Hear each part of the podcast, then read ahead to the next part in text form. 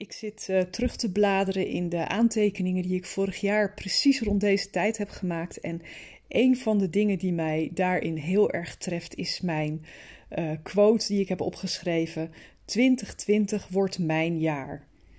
En dat schreef ik op het moment dat ik mijn boek Het Boomhutgevoel aan het uh, afronden was. Ik zat ook, net als nu weer, in een huisje ergens in de natuur teruggetrokken om, om daaraan te werken en de balans van het jaar op te maken en plannen voor het volgende jaar uh, te gaan vastleggen.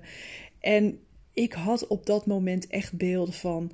Ik, ga mijn, uh, mijn boek verschijnt. Dat was toen al op de planning dat het in april zou uitkomen van dit jaar. Ik had een aantal hele mooie spreekopdrachten staan. Ik had een aantal prachtige bedrijven die bij mij trajecten zouden gaan volgen op het gebied van, van leiderschap en van projectleiderschap ook.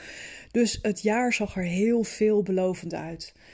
Nou is uh, eh, 2020 ook ontzettend goed begonnen. Uh, ik ben uh, naar Bali gegaan om daar echt het allerlaatste staartje van mijn boek, en dan heb je het over de laatste redactieslag, het omslagontwerp, het binnenwerkontwerp, om daar in mee te denken en om nou ja, wat, wat dingen voor te bereiden voor de, alle trainingen die ik zou geven.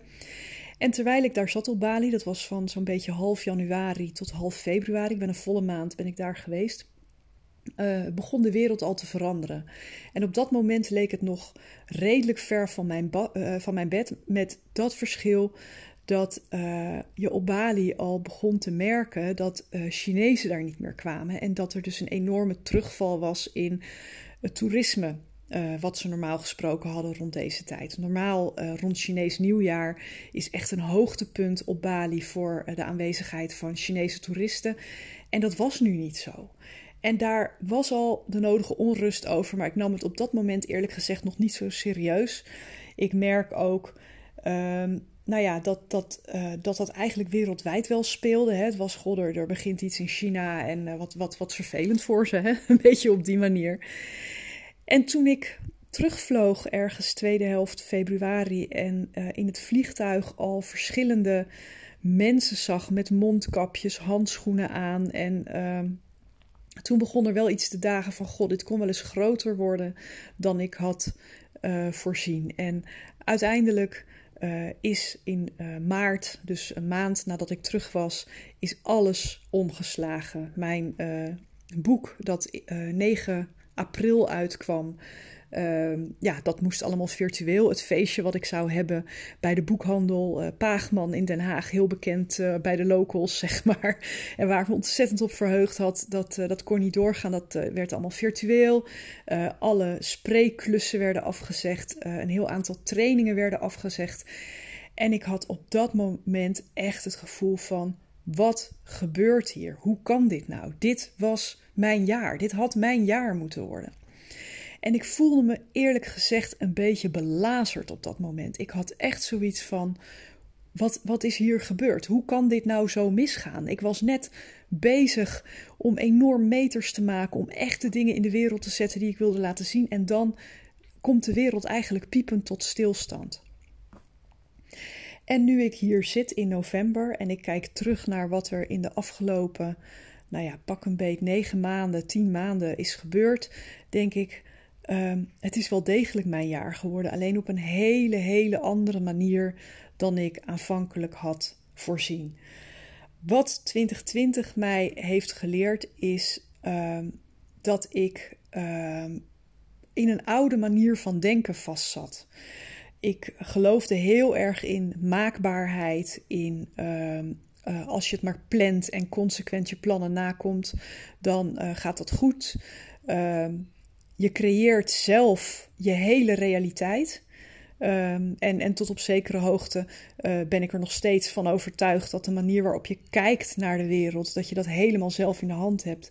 Dat het dus nooit een kwestie is van uh, slachtofferschap of, of reactief zijn, maar uh, dat je altijd kan kiezen hoe je uh, hoe je reageert op, op slechte omstandigheden. En dat betekent zeker niet dat er geen boosheid of frustratie of angst of verdriet mag zijn. Maar wel dat het jouw eigen uh, uh, nou ja, dat je het uit jezelf moet halen om daar ook weer uit te krabbelen. Dat kan je niet buiten je neerleggen, die verantwoordelijkheid. Dat moet je echt uit jezelf zien te halen. En wat er bij mij gebeurde, als ik nu terugkijk, is dat ik uh, in de loop van maart echt even uit het veld geslagen was. Ik voelde me slachtoffer van iets wat ik niet eens kon omschrijven. Ik had geen idee wie mij dit had aangedaan.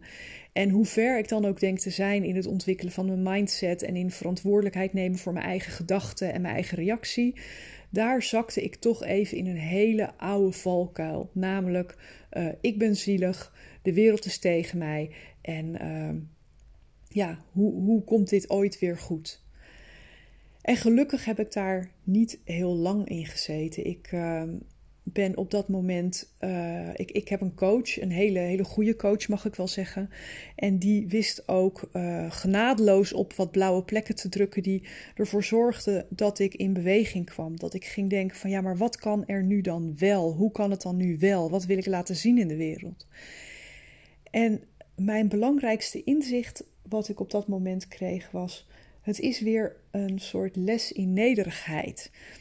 Um, ik moest erkennen dat ik ook natuur ben. Dat wij allemaal ook natuur zijn. Dat wij, als het erop aankomt, uh, een, een, een zuchtje zijn uh, op de schaal van de eeuwigheid. En als er iets langskomt als een natuurramp of een pandemie, of uh, noem het maar op wat voor rampspoed er dan ook vanuit de natuur kan optreden, dan ehm, zijn wij eigenlijk heel erg kwetsbaar.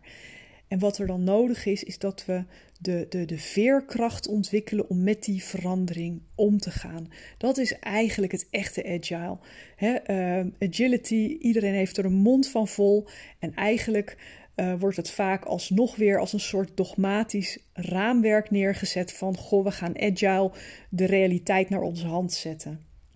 En wat ik in het afgelopen jaar heel erg heb mogen leren bij mezelf, is dat er af en toe ook zoiets mag zijn als overgave, als uh, loslaten, als kijken waar de stroom mij naartoe voert. En ik merkte dat ik een hele tijd tegen de stroom in heb gepeddeld.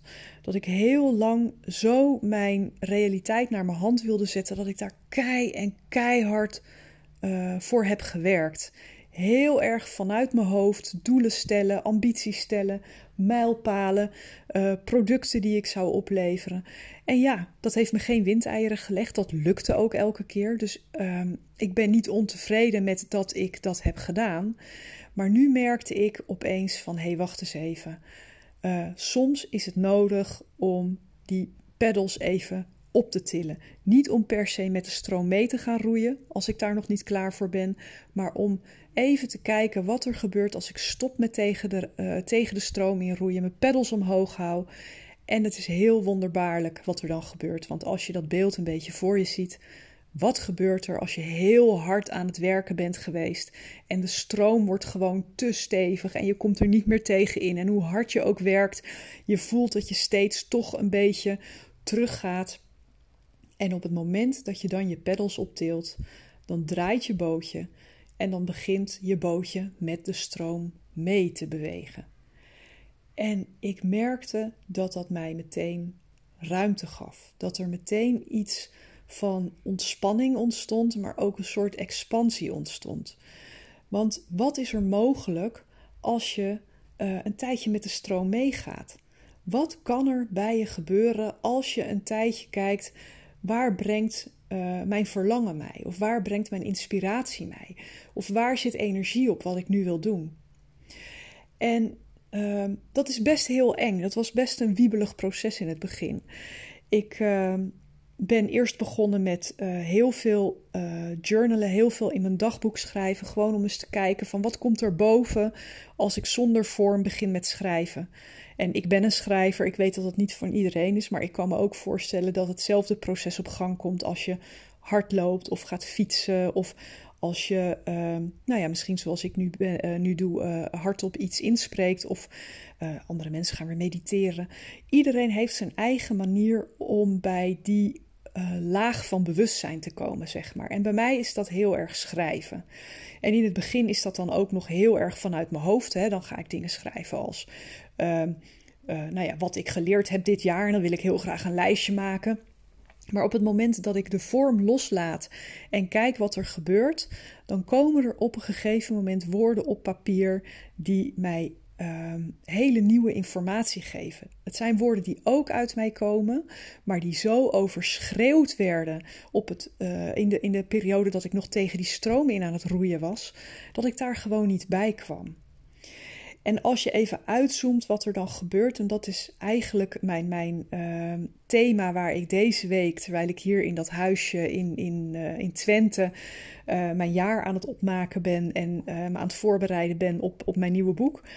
Ehm, het thema wat boven komt drijven is masculiniteit en femini fe, fe, fe, het masculine en het feminine. Oftewel het mannelijke en het vrouwelijke principe. En dat heeft eigenlijk helemaal niks met mannen of met vrouwen te maken. ik identificeer als, als vrouw, ik ben vrouw, ik ben als vrouw geboren. En toch heb ik heel veel masculine energie in me. En ik heb daar heel erg op, ja, op gedreven al die tijd. Of ik heb heel erg op uh, al die rationele planningen, op al die ambities, op al die deadlines, heb ik heel veel dingen kunnen bereiken. En 2020 is in die zin mijn jaar geworden dat ik ontdekt heb wat er gebeurt als ik mij meer overlever aan dat feminine. En daarmee bedoel ik mijn peddels licht en kijk waar de stroom naartoe gaat. Opeens kom ik erachter, ik laat mijn batterij op als ik elke dag even in de natuur loop. Of het nou regent of het is bloedverzengend heet. Echt even het bos in, even eh, de natuur ruiken, de geluiden horen. Dat helpt me ongelooflijk om, om rustig te worden en om mijn batterij op te laden. Wat ik merk nu in dit huisje is, uh, ik heb, uh, ja, je moet je voorstellen, het is echt zo'n zo'n ouderwets jaren 70 vakantiehuisje waar ik in zit. Dus er zit aan drie kanten zitten er ramen en aan één kant uh, een soort muur gemaakt van ja, een soort plaatwerk. En daar heb ik van die statische flips op gehangen. En ik heb mezelf verboden om daar to-do-lijstjes op te maken. Het enige wat ik daarmee mag is uh, geïnspireerde quotes of ideeën opschrijven. Dus het zijn in de praktijk allemaal losse woorden die ik opschrijf en die ik opplak. En ik ben hier vrijdag aangekomen. Het is inmiddels maandag. En ik zie op die flip over een aantal thema's bovendrijven Waar ik nooit op was gekomen als ik hierover na was gaan denken.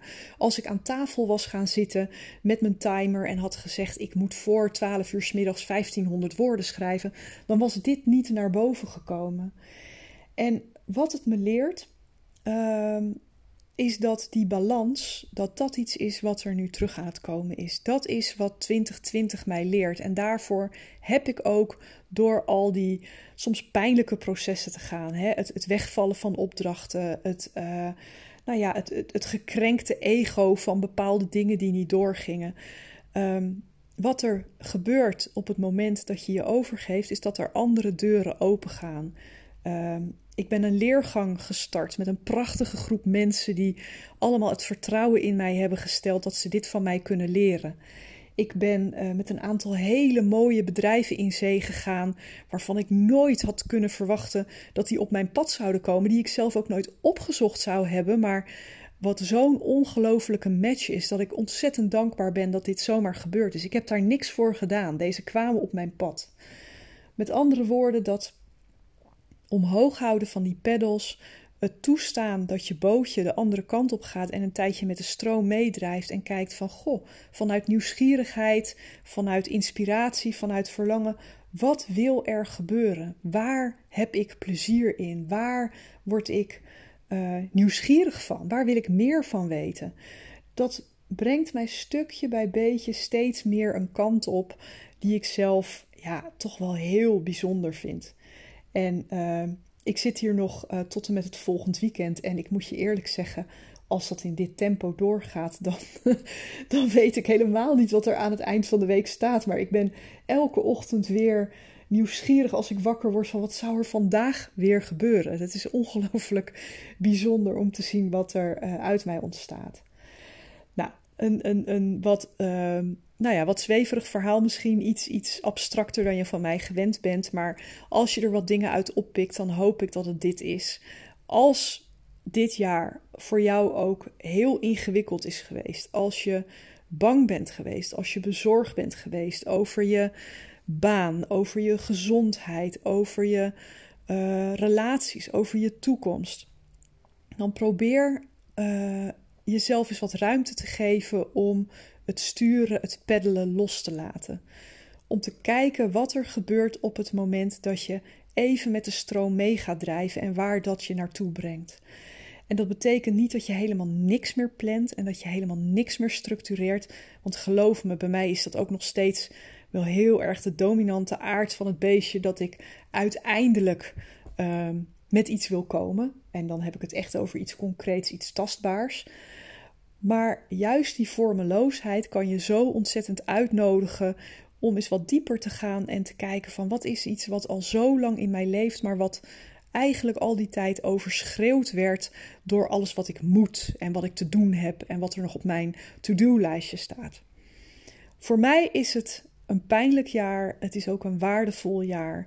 Ehm, het heeft me geleerd om beter mee te bewegen met onzekerheid en om meer vertrouwen te ontwikkelen in dat het altijd wel ergens naartoe gaat waar je ook weer waarde uit kan halen. En ehm, ja, dat is eigenlijk de energie waarmee ik straks ook 2021 in wil gaan. Dus toen ik hier aankwam, was het plan om ook een, een, een plan te maken. Ook daadwerkelijk iets te gaan ontwikkelen voor 2021. En of dat gaat gebeuren, dat weet ik niet. Dat weet ik pas in de loop van de week en misschien zelfs nog wat later. Dus zoals ik mijn uh, fragmenten uit mijn dagboek van vorig jaar teruglas, waar stond dat 2020 mijn jaar zou worden. Uh, ja, misschien is dat wel uitgekomen. Misschien is dit uh, op de keper beschouwd wel waardevoller dan wanneer ik inderdaad uh, al die ego-dingen, al die uiterlijke dingen had gedaan, maar niet had geleerd om uh, zelf meer agile te worden, zelf meer mee te gaan met de stroom en zelf flexibeler om te gaan met onzekerheid.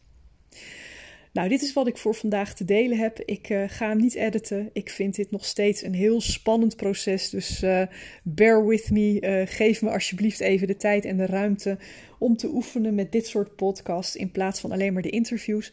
Ook de interviews blijf ik natuurlijk houden. En als het goed is, komt er aanstaande week weer een heel mooi gesprek bij.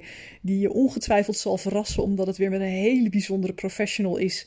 Um, nou ja, uh, ik, laat ik even deze cliffhanger houden, want het is echt een, een bijzonder verhaal uh, wat ik uh, laatst heb gehouden. Ik wacht nog even op toestemming van zijn werkgever of ik het ook daadwerkelijk mag publiceren.